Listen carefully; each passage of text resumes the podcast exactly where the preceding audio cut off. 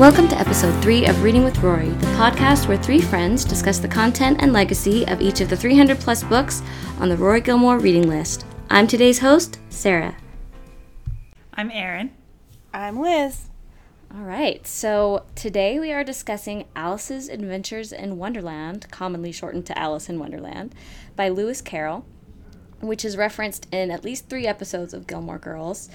Um, it, very possibly more, uh, but for example, season 1, episode 14, season 4, episode 1, season 4, episode 16. But before we fall down this rabbit hole, in the truth. Clever. Yeah, you like it? in the true spirit of the Gilmores, let's check in with what we're eating for this discussion. Erin, what are you eating right now? Um, I am eating a protein bar for dinner. It's fancy. Whew. Nice. Liz? Today, during this episode, I will be snacking on Muddy Buddies. Oh, I love Muddy Buddies. They're What- so good. For for our unenlightened listeners, what are Muddy Buddies? Well, it's when you take cereal and you put peanut butter and chocolate and powdered sugar, and you put it all in like a Ziploc bag and mix it up, and it's just messy and delicious and good and addictive. So All right. there it is. Oh, all right, that sounds good. And I am doing a classic of uh, chips and salsa and um, Diet Coke. There's usually a Diet Coke involved. I don't even say Diet Coke. It's always it there. just goes without saying. Yeah. Diet Coke, the assume it's there. unofficial sponsor of Reading with Rory. exactly. All right. So, with our snacks in hand, we are now ready to dive into this strange and strangely timeless book. Uh, here is a brief synopsis from Amazon. It says one of the English language's most popular and frequently quoted books, Alice's Adventures in Wonderland, was the creation of Charles Lutwidge Dodgson, Dodgson a distinguished scholar and mathematician who wrote under the pseudonym of Lewis Carroll. Intended for young readers, but enjoyed equally by adults, the fantastic tale transformed children's literature, liberating it from didactic constraints. The story is deeply but gently satiric, enlivened with an imaginative plot and brilliant use of nonsense. As Alice explores a bizarre underground world, she encounters a cast of strange characters and fanciful beasts the White Rabbit, March Hare, and Mad Hatter, the Sleepy Dormouse and Grinning Cheshire Cat, the Mock Turtle, the Dreadful Queen of Hearts, and a host of other extraordinary personalities. Now, I don't know if that's so much a synopsis as just like a general List of characters. I did my best, okay? I mean, it's there's not a lot to synops. She falls down a hole and like wanders around and meets some of the characters. It is. That is what, what you're like. First, she meets him, then she meets him, then she meets her.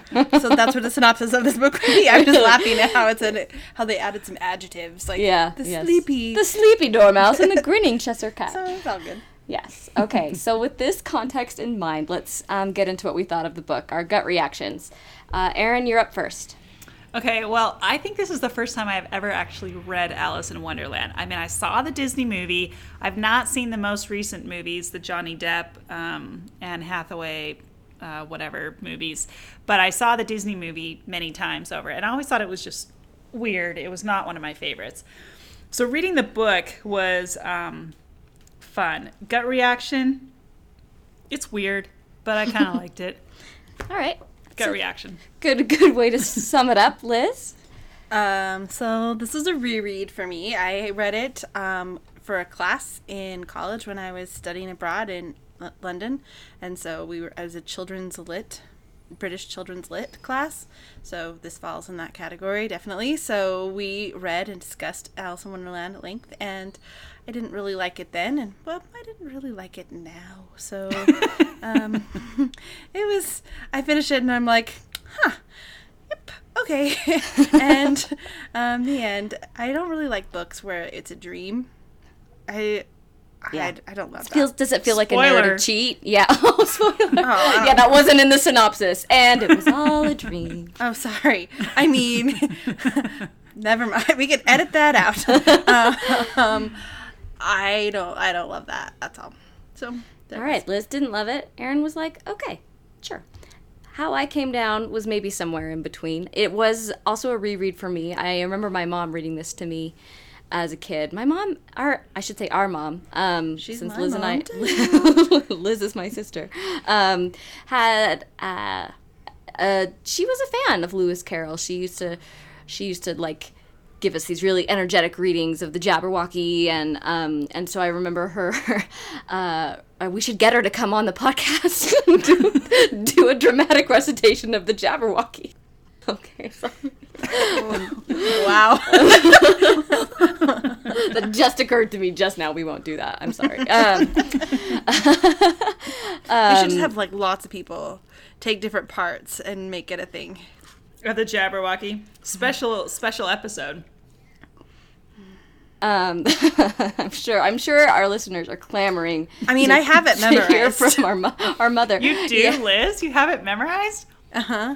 Say part of it. Beware the Jabberwock, my son. The jaws that snatch or clutch or. I mean, I used I'm to. unimpressed. Hold on. No, there's parts of it I do. Yeah, that's not. okay, anyway. Well, Um, so we actually had to recite it in high school or jun- junior high. High school? I can't remember. I think it was for junior sure. high. It's junior high. We do it in junior high. Yeah, okay. And did you guys have to do that? Did you have to recite it? I don't know. I have no, No, recollection I of make doing it in kids define what those different words mean. Like, what's a jub jub bird? What's this? Like, with context, because those things don't exist. So, like, what do they actually think that those words mean? It's a vocabulary exercise more than anything. Hmm. I really do know it. This summer. okay. we'll take your All word right, for it. fine. So, um, as to whether or not I like the book, the point being that my mom used, read this to me when I was a kid, and I don't recall ever reading it in school. And um, I liked it on this on this time around. I mean, it's kind of breezy and funny and strange, and it's just kind of like a a, a strange little vignette that has some charm to it. And we're going to get into that because I, part of me, as I'm reading it, thinking, why has this had the staying power? That is exactly what I keep thinking. and um, so let's let's um, let's see if we can get into that a little bit. So clearly, Alice in Wonderland is very symbolic, but its satire and symbols are all very specific to the time and place in which it was first published. Uh, from Benjamin Disraeli to mathematical concepts that Carroll studied at Oxford, he was a mathematician.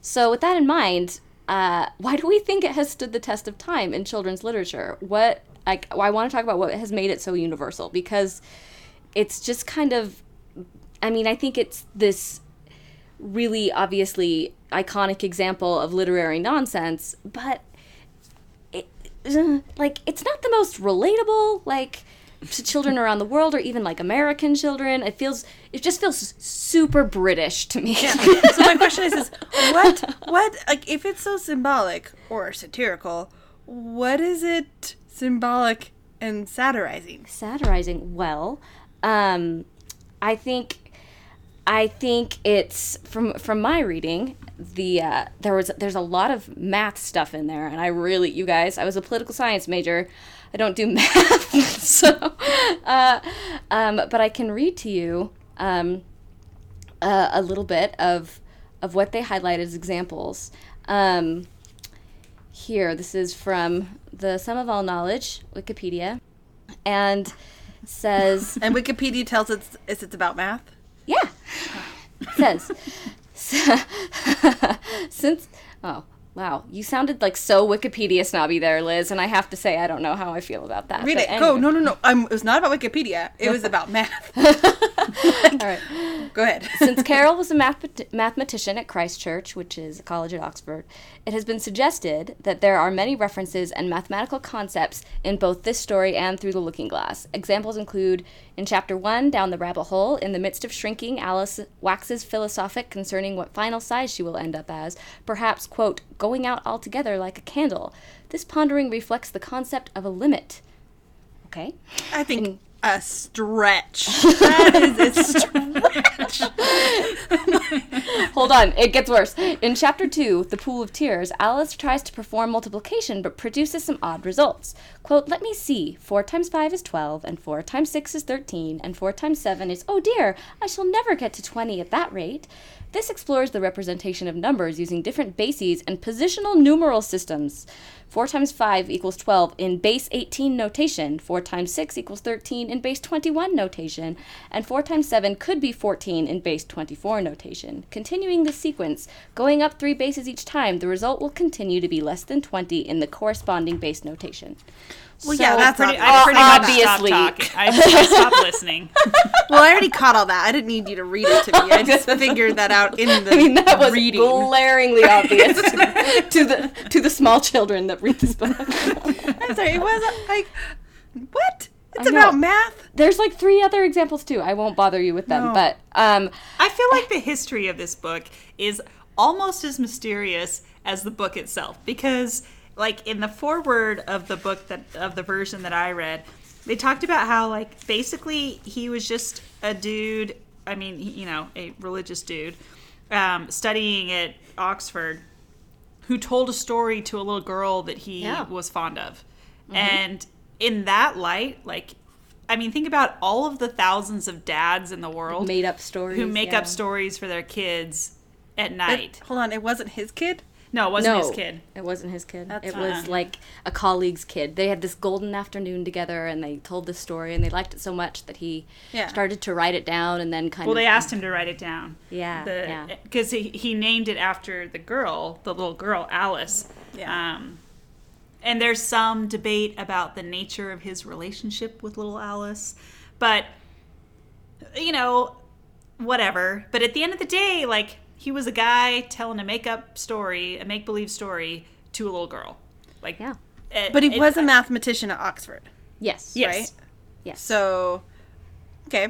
I mean, like, J.R. Tolkien's making up languages at Oxford and writes Lord of the Rings. So I can see him, I mean, different Yeah. times, but this guy, I can see him being like, oh, I'm going to tell a story and I like math. But I, I, to a reader today, I don't see us seeing that same math element in it. Well, Like, exactly. That's that's what my question is, right? Like I think it probably it's really specific to that time and that place, but And aren't all the uh, characters supposed to represent, like, people? well, I don't know the all. I mean, yeah, but they're supposed to represent like people that he knew, not like famous people. Okay. So he's satirizing people he knew? I guess. Yes. Probably. Well, I mean, what would you do if you were making up a story? You'd I mean, I would do that too. characters of people you knew. I mean, Yeah. that's like that's every author, right? Like Wizard of Oz apparently is like that too, right? It's Yeah. just people you know. But Um that's all. I just it lost. and on then there's me. like when they're like paint when they're like painting the roses yeah when they're painting the roses red that's you know house of lancaster house of york the war of the roses that kind of thing painting these white roses red so that's maybe symbolic of the war of the roses although that feels a little out of place and like every child reading it is like, well, yeah, it's like the War of the Roses. I get that one. yeah, I didn't Well- get that one. Um, well, and obviously it's a children's book. It's not intended for them to be able to I- necessarily identify um, what the symbols are. But I just think that, you know, usually books that have this kind of, um, like I said, staying power yeah. are maybe a bit more universal. And this just feels so specific to its time and place of origin. So, what is it about it that may- has made it you know, as iconic as it is, as long lasting as it is, what is what why does it matter? Is it the imagination of it all?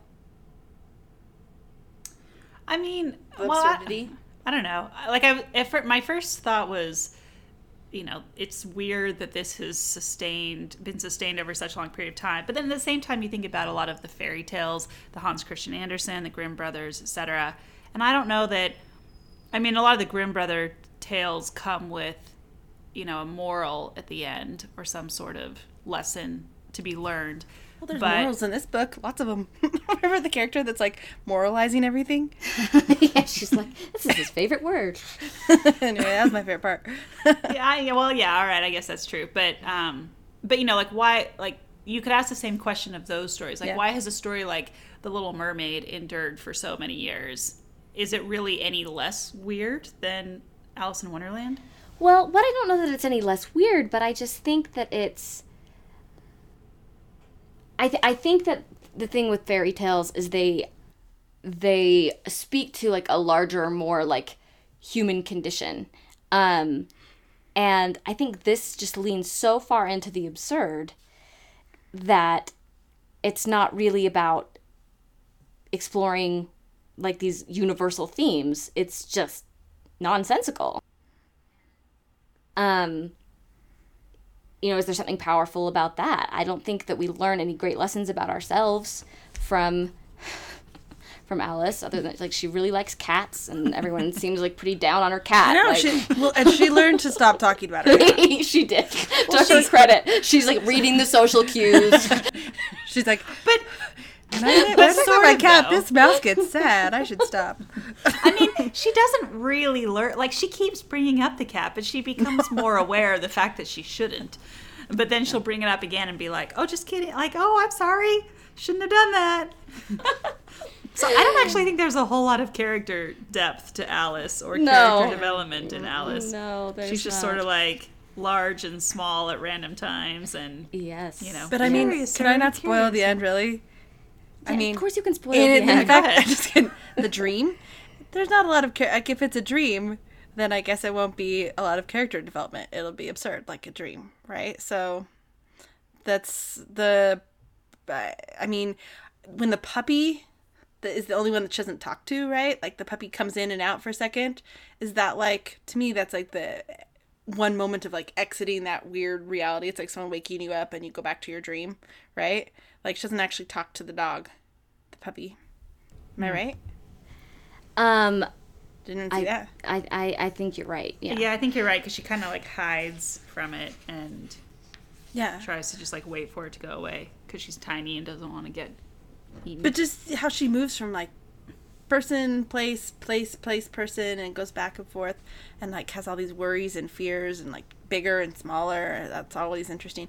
Although those seems like those seem like things that dreams sort of um, inhabit for me. Like I don't really think that way until I'm actually dreaming. I'm like, that's weird, right?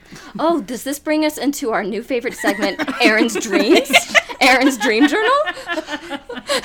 Erin, I feel like you should share with our listening audience what, what you shared. You need to share with the whole class. I can't though because that was about Angela's ashes, and we have to wait till we get to Till we Angela's get to ashes. Angela's Ashes Well, episode. Erin, talk in your about dream that one. journal, do you have any dreams where you talk to a cat and he disappears? No, although Okay. so I did keep. I so I started keeping a dream journal in high school in ninth grade actually because we had a student teacher. Um, in my English class, and I don't know what we were talking about or why Alice she brought this up. Yeah, right, Alice in Wonderland. but she was ta- she started she mentioned something about a dream journal. It was almost in passing, and she talked about how if you keep a dream journal, you uh, can remember your dreams in greater detail. They become more vivid over time, and can even become longer. Like you re- you just remember more detail. And I was like, oh, that's an interesting premise, and so I decided to test it. So for the rest of high school, like all through high school, I kept a dream journal. And it started out where it was like, you know, very short paragraphs like I think I was in a building and then someone else was there, but I don't know who. And then I woke up. You know, like very very short detail, but by the end of it, I mean, I would have dreams that were like a couple pages long, like just full of detail. Um, and I would just get up in the morning and write it down and then go to school. Most of my dreams at that time had um, water in them because I swam on the swim team. And so, water was a very common element of my dreams. And uh, a lot of my team members would be in the dream somehow. Um, I kept it a little bit into my freshman year of college, and then I just got busy with other things. And but every so often, when I have like a really vivid dream, um, I'll still write it down. Or if it has a person in it, then I'll text the person and tell them about the dream, which is what happened with the one with Angela's ashes. So stay tuned Stay for that one. tuned for that. Well, if there's ever any other vivid dreams that you want to add in, be sure Well, to submit I- that segment. Don't worry, I I will. I mean, I have not had a dream about Alice in Wonderland. Alice in Wonderland. I um I- I don't remember my dreams typically. I know when I take melatonin to help me sleep, my dreams become really strange. So like bordering on like Alice in Wonderland strange. So um which maybe leads us to the uh, question that people often associate. What was Lewis Carroll yeah, what was Lewis Carroll on? when Nothing. He, he wrote this, and it's the answer is nothing. Yeah. I think that was the thing that surprised me most about it. I know we talk about that in every episode, what surprised us. And I think that was what surprised me. Like this the history behind this story is surprisingly normal. Mm-hmm. And somehow it got turned into this like super drug related trip. It was like the counterculture adopted it, like, Yeah. and made it mm-hmm. its thing, right? Like, here's what happens when you take mushrooms because there's a mushroom in it. And I mean, I don't know, maybe that's partly how it got it. Like she's eating mushrooms and changing sizes, and I don't know. So, I mean, poor Lewis Carroll gets a bad rap because everyone thinks he was high on opium when he wrote it, but it that would turns out not to be the case, which I agree with you, Erin. It's surprising. But maybe if he wasn't taking so many math classes and took some English classes, he'd be like, I should develop my character more. Just kidding. No. like, well, and in general, like, it sounds like he does have this very, like, logistic, like, scholarly brain, right? And so it's mm-hmm. interesting how that translates into, like, a narrative or into a story that doesn't really. that defies that logic, because I don't see any logic at all to the story. Yeah, is it's there? pretty. I No. mean, it, in if you were dreaming, it would like it. It would make sense in a dream context. Okay. So, do we have anything more we want to we want to discuss regarding um, what surprised us or what stood out with you? Any passages that you liked? Like I said, I really love the beautiful soup, soup of the evening, beautiful soup. There's just something silly and, and charming about that I. um, I love the chorus of it. Beautiful soup. Well, it was a it was a parody of a of a popular English song at the time, but um, so again, not something that we're like, oh, obviously it's the you know star of the evening song that he's you know Well, is- imitating here. But. Well, I mean, I, the poems and the songs are like the he has this like way of make because people write these fun poems and stuff all the time and they don't get inserted into a novel. Like it gives it like a world for these mm-hmm. songs to kind of exist and so i think that's fun right? Mm-hmm. Like the jabberwocky in by itself is weird right? But you put it inside the through the looking glass and you're like oh okay maybe it has some context to it. Or the william old william one. I thought Yeah, that one was Father funny. Yeah, old Father Right. William. Mm-hmm. but I the two parts that really just stood out to me that I liked. Um, uh, I loved the flamingo croquet. I don't know why. I just thought that part was like the it was when I was actually the, probably the most engaged in it, most likely too. But like she's walking around and she's like, I don't get the rules. They they keep changing, and everyone's yelling out different rules, and she's just trying to play this game. Maybe it's because that's how I feel about sports in general. Like when I'm trying to play sports, I'm like, wait, what do I do? like someone's like trying to teach me, and I'm like, ah, what? This tools alive? It just captures like the general sense of anxiety in this story. I relate to, so um, I, I can hear that. I can hear that. But I mean, I just like all these people coming up and interrupting the game, and how like they keep off with the head, and like the the the bridges were the guards that would have to go take away the people that they want to off with their heads. Execute. Yeah. It's like eventually everyone was set for execution except I mean, for. it was, it was funny, but that is that is the part that I and just that Duchess finding the morals and everything. Those were my favorite parts. Just how she was like, "Let me find the moral in this," and Alice is like rolling her eyes at it. So Yeah. good times in Alice in Wonderland. Those were the parts that really I thought um, were fine and fine and funny. But I have no recollection of them in the movies or anything. It was just as I read it, I was just into it more at that point. There you go. Yeah, I think kind of similarly the uh, Tea Party with the March Hare and the Mad mm-hmm. Hatter and the Dormouse. I I mean again, I need to go back and rewatch the Disney version of this show and well, and the other versions. But I don't think I ever like really understood what was happening at that tea party. And so reading this reading through this, I actually felt kind of bad for them cuz Yeah. you know, they're talking about how like their watches or the Yeah, the the March time. Hares- yeah, talking about how the watches stopped. So it always has to be tea time. So they're just like stuck in a never ending loop of tea time and they have to keep cycling around the table because it has to be tea time. And even when they bring him in to the trial, uh, who did, did they bring in the Mad Hatter or the March Hare? I can't remember. But he's like panicking because he's got to like have tea. He's got to get back to tea. And that's a very British thing. like they're Yeah, like, was gonna say, such a British thing. It's tea time. but yeah, like I and so I felt really bad for them. I thought, oh, that's so sad. They're like stuck in this never-ending cycle of tea because the watch is broken. Like that's just I don't know. I just felt sad at that part. Aw. I mean, if any time it's going to be stuck on, tea time would be a good one. Except Yeah. maybe not. That would be kind of annoying to constantly have to like. Well, I think that does kind of um, set out uh, another one of the themes in in the book and the story. There's often is about like eating, eating and consuming is is a big part of it, and Alice, it talks about how Alice is always like keyed into that, right? She's like, um, her she perks up at any mention of food, and um, I mean, like whether it's the soup with the pepper or the mock turtle soup or um, very Gilmore Girls reference. Yes. Yes. Um, or the mushrooms, or the cakes, or the the drinking. Like it's a very um, what's the word? You know. Anyway, having to do with food. Does anyone want tea now? Like my muddy buddies, I could wash it down with some like herbal We totally tea. should have had tea, tea time as our Gilmore Girls have. food. Um, food pause. reference. Everyone, go make some tea. It's tea time. Bring it back. We, we need to get Um, on this for for the future. Yes, yes. Um, okay, great. Well, moving on. Um, one of the things we like to do here on Reading with Rory is discuss the broader cultural impact of the books on the Rory Gilmore reading list. These books uh, are more than just fodder for high school English classes. They're very, also very much a part of our everyday lives, whether it's um, film or music or TV, political discourse, even science. So obviously, Alice in Wonderland has been enormously influential. Um, fun fact: works based on Alice in Wonderland has its own article on Wikipedia.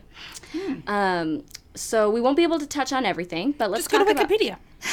so that's going to make for a really interesting podcast. Everyone, please go to this Wikipedia article and won't have a nice day. it, but you- Everyone read Wikipedia. It's cool. Um, so thanks for that, Liz. So we yeah. sounds like just really hating on Wikipedia this episode. I like Wikipedia. It's so the we won't be able- in her. Yes, yes. So we won't be able to touch on everything, but let's talk about some of the interesting places that Alice has popped up across the culture. Uh, so, in researching this episode, I discovered that there is a neuropsychological condition known as Alice in Wonderland syndrome. Did you guys know that uh, that there was such a thing? I actually heard about it when I was looking stuff up for this episode as well. Sounds like a. But that's the No, first you time I'd heard about it. Ugh, sorry, I have to go home. I have Alice in Wonderland syndrome. It's a real thing. I mean, I believe it. It just, I mean, it doesn't sound like it doesn't roll off the tongue. well, the acronym is even better, where it's AIWS. Um, well, AIWS is The adve- what is the actual name? The Adventures of Alice. yeah, yeah, Alice's Adventures in Wonderland syndrome. no, it's um, so it primarily affects perception. I thought this was really interesting. Um, an article published in the New York Times in 2014 called "I Had Alice in Wonderland Syndrome" by Helene Stupinski described the feeling as if everything in the room were at the wrong end of a telescope, which would be really disorienting. And um, I had no idea that this was a a real identifiable condition, but but it is. It, an, another uh, person who who suffered from it, a 17 year old male named Michael Huang, um, described his symptoms, saying he quite suddenly objects appear small and distant or large and close. I feel as I am getting shorter and smaller, shrinking, and also the size of persons are not longer than my index finger. Sometimes I see the blind in the window or the television getting up and down, or my leg or arm is swinging. I may hear the voices of people quite loud and close, or faint and far. Occasionally, I experience attacks of migrainous headache associated with eye redness, flashes of lights, and feeling of giddiness. I am always conscious to the intangible changes in myself and my environment. I mean, dang. Wow. it would be, uh, That sounds tiring. it does. well, what was interesting though was that, hard. yeah, there's, um, there may be some speculation that uh, Carroll himself may have struggled from this because one of the primary symptoms of it is uh, migraines. That seems to be kind of the common denominator. Is migraines are always involved, and apparently Lewis Carroll suffered from migraines. So who knows? Maybe he wrote the story from life, um, and it wasn't an opium trip. Just kidding. Um, so we could have a whole episode just dedicated to the music inspired by Alice in Wonderland. Um, everything from whole symphonies dedicated to Alice to Marilyn Manson to Taylor Swift. Um, but we're just going to touch on a couple today. The song White Rabbit uh, was written by Gla- Grace Slick, but was made famous when she joined the band Jefferson Airplane, which is probably where everyone knows it from. Um, it appeared on their 1967 album Surrealistic Pillow. Um, I think this goes back to what we were talking about. It really caught on with the counterculture movement, and um, and there's there's a lot of music from this time that is maybe an allusion to Alice or a reference to Alice. Um, but White Rabbit hit ranks this makes this actually made me laugh speaking of really specific rankings number 478 on rolling stone's list of the 500 greatest songs of all time I mean, it made it to the list. so guess. um, obviously better than um, 479 through 500 so what was that's that one? Okay? um, the point being it is it is an influential um, rock song so let's listen to that for a little bit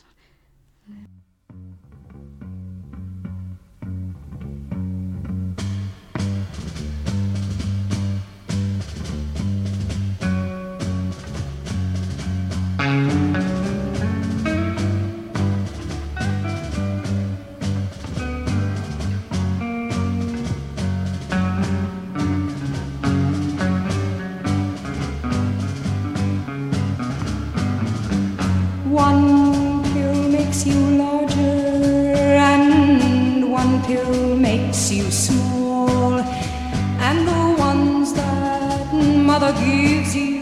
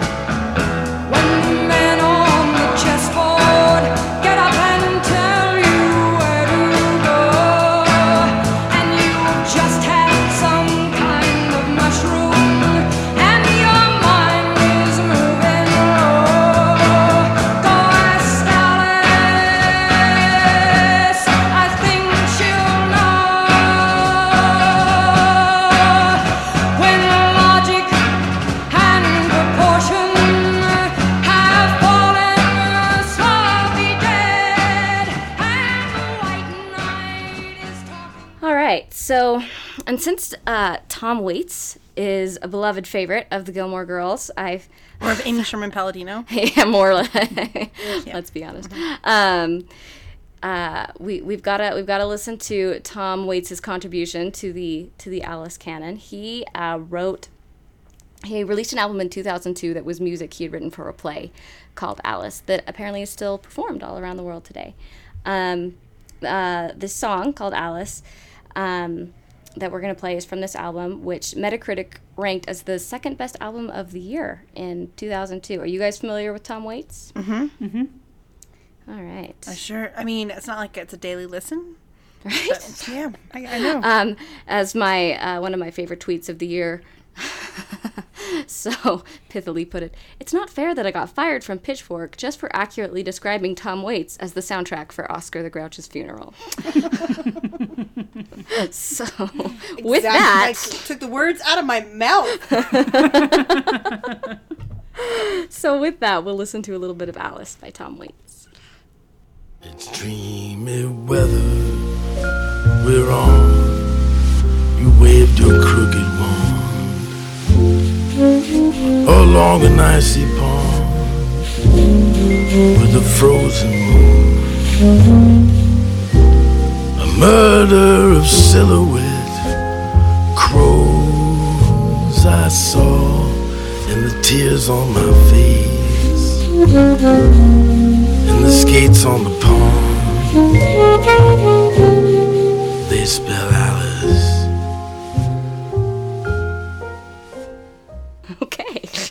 So Well, that was Uh, inspiring. I know, yeah, maybe an acquired taste. it's interesting how people um I think take that artistic level of the book and the imagination of the book and put it into song. It's poetry and song makes kind of goes in hand in hand, right? So It's of the it same spirit. Yeah, it doesn't. It makes sense that they would um, kind of use that, use those ideas, of referential referential term, tones terms. Yes, Well, absolutely. and to our point earlier about like why this caught on with the counterculture, I think it's really easy to take this story and to use it to describe. Pro- I mean, not that I know personally, but probably to describe a lot of the sensations you have, like if you're high or if you're going through. I don't know if you're like smoking something, to that feeling of like changing in size. You know, shrinking and growing. I mean, I could be completely talking out of Yeah. one side of my mouth here and be way off base. we we all really relate. To I'm gonna this. go take a ton of melatonin and then read the book and It's about as hardcore as we get on reading with Rory. So. and be like, yeah, better. No, I bet really this would be an interesting book if you were kind of, you know, writing something Experience else. experimenting with some some substances. right, you know, and like like all the random creatures, you know, like the hookah smoking caterpillar. I, I don't know, you know, like I can just see that being something that could be easily relatable. For sure. or just the normal cat that disappears all the time. You're like, yeah, that But his happens. but his grin his grin He's stays grinning. behind. and it's like he's her bud, he's her friend. So Oh, okay. I, All I like that I use the word bud. hey, bud. Especially when referring to a cat. Noted cat lover, Elizabeth Thomas. bud. anyway, sorry, go on. All right. So if you all want to hear more songs inspired by Alice in Wonderland, go And check there out are our a ton. Yes, we have. It's a very extensive Spotify playlist. What's the Taylor go- Swift one? Oh, Because I love um, all things Taylor Swift. um, Such a grouch. Okay, so yes, check out our Spotify playlist. Um, at uh, you can find us on Spotify at reading underscore with underscore Rory underscore podcast, all lowercase, or you can search for our playlist titled Alice in Wonderland. Um, there are also over 30 adaptations for film and television um, alone, going all the way back to 1903. Uh, probably the most famous is the uh, the Walt Disney animated version, um, which was universal to all our childhoods. So, um, but I hated that movie growing up. It made me deeply um, anxious and um, stressed, and you know, um, I part of me just makes it wonder, like, what is it about this that's appealing to children? I'm not, I'm not sure. It's because we're, the- we're too type A. I guess. We're Or not it's fanciful appealing- and Appealing that you don't have to have an attention span. Like you can like leave the room and come back 20 minutes later and you're like, cool, I'll just pick up where I left off and I didn't miss anything. Because there's no plot.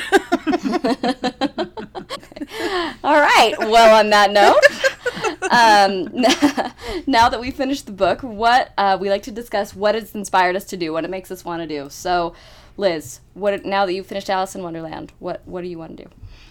Um, well, so the term, you know, dive down a rabbit hole, right? So I was thinking about that that phrase because uh, it's an interesting one, right? How and like where that takes her, and so it makes me want to really, not like a literal rabbit hole, but I I want to like like it inspired me to like if you if you see Liz digging around in your garden, Wandering around some yards.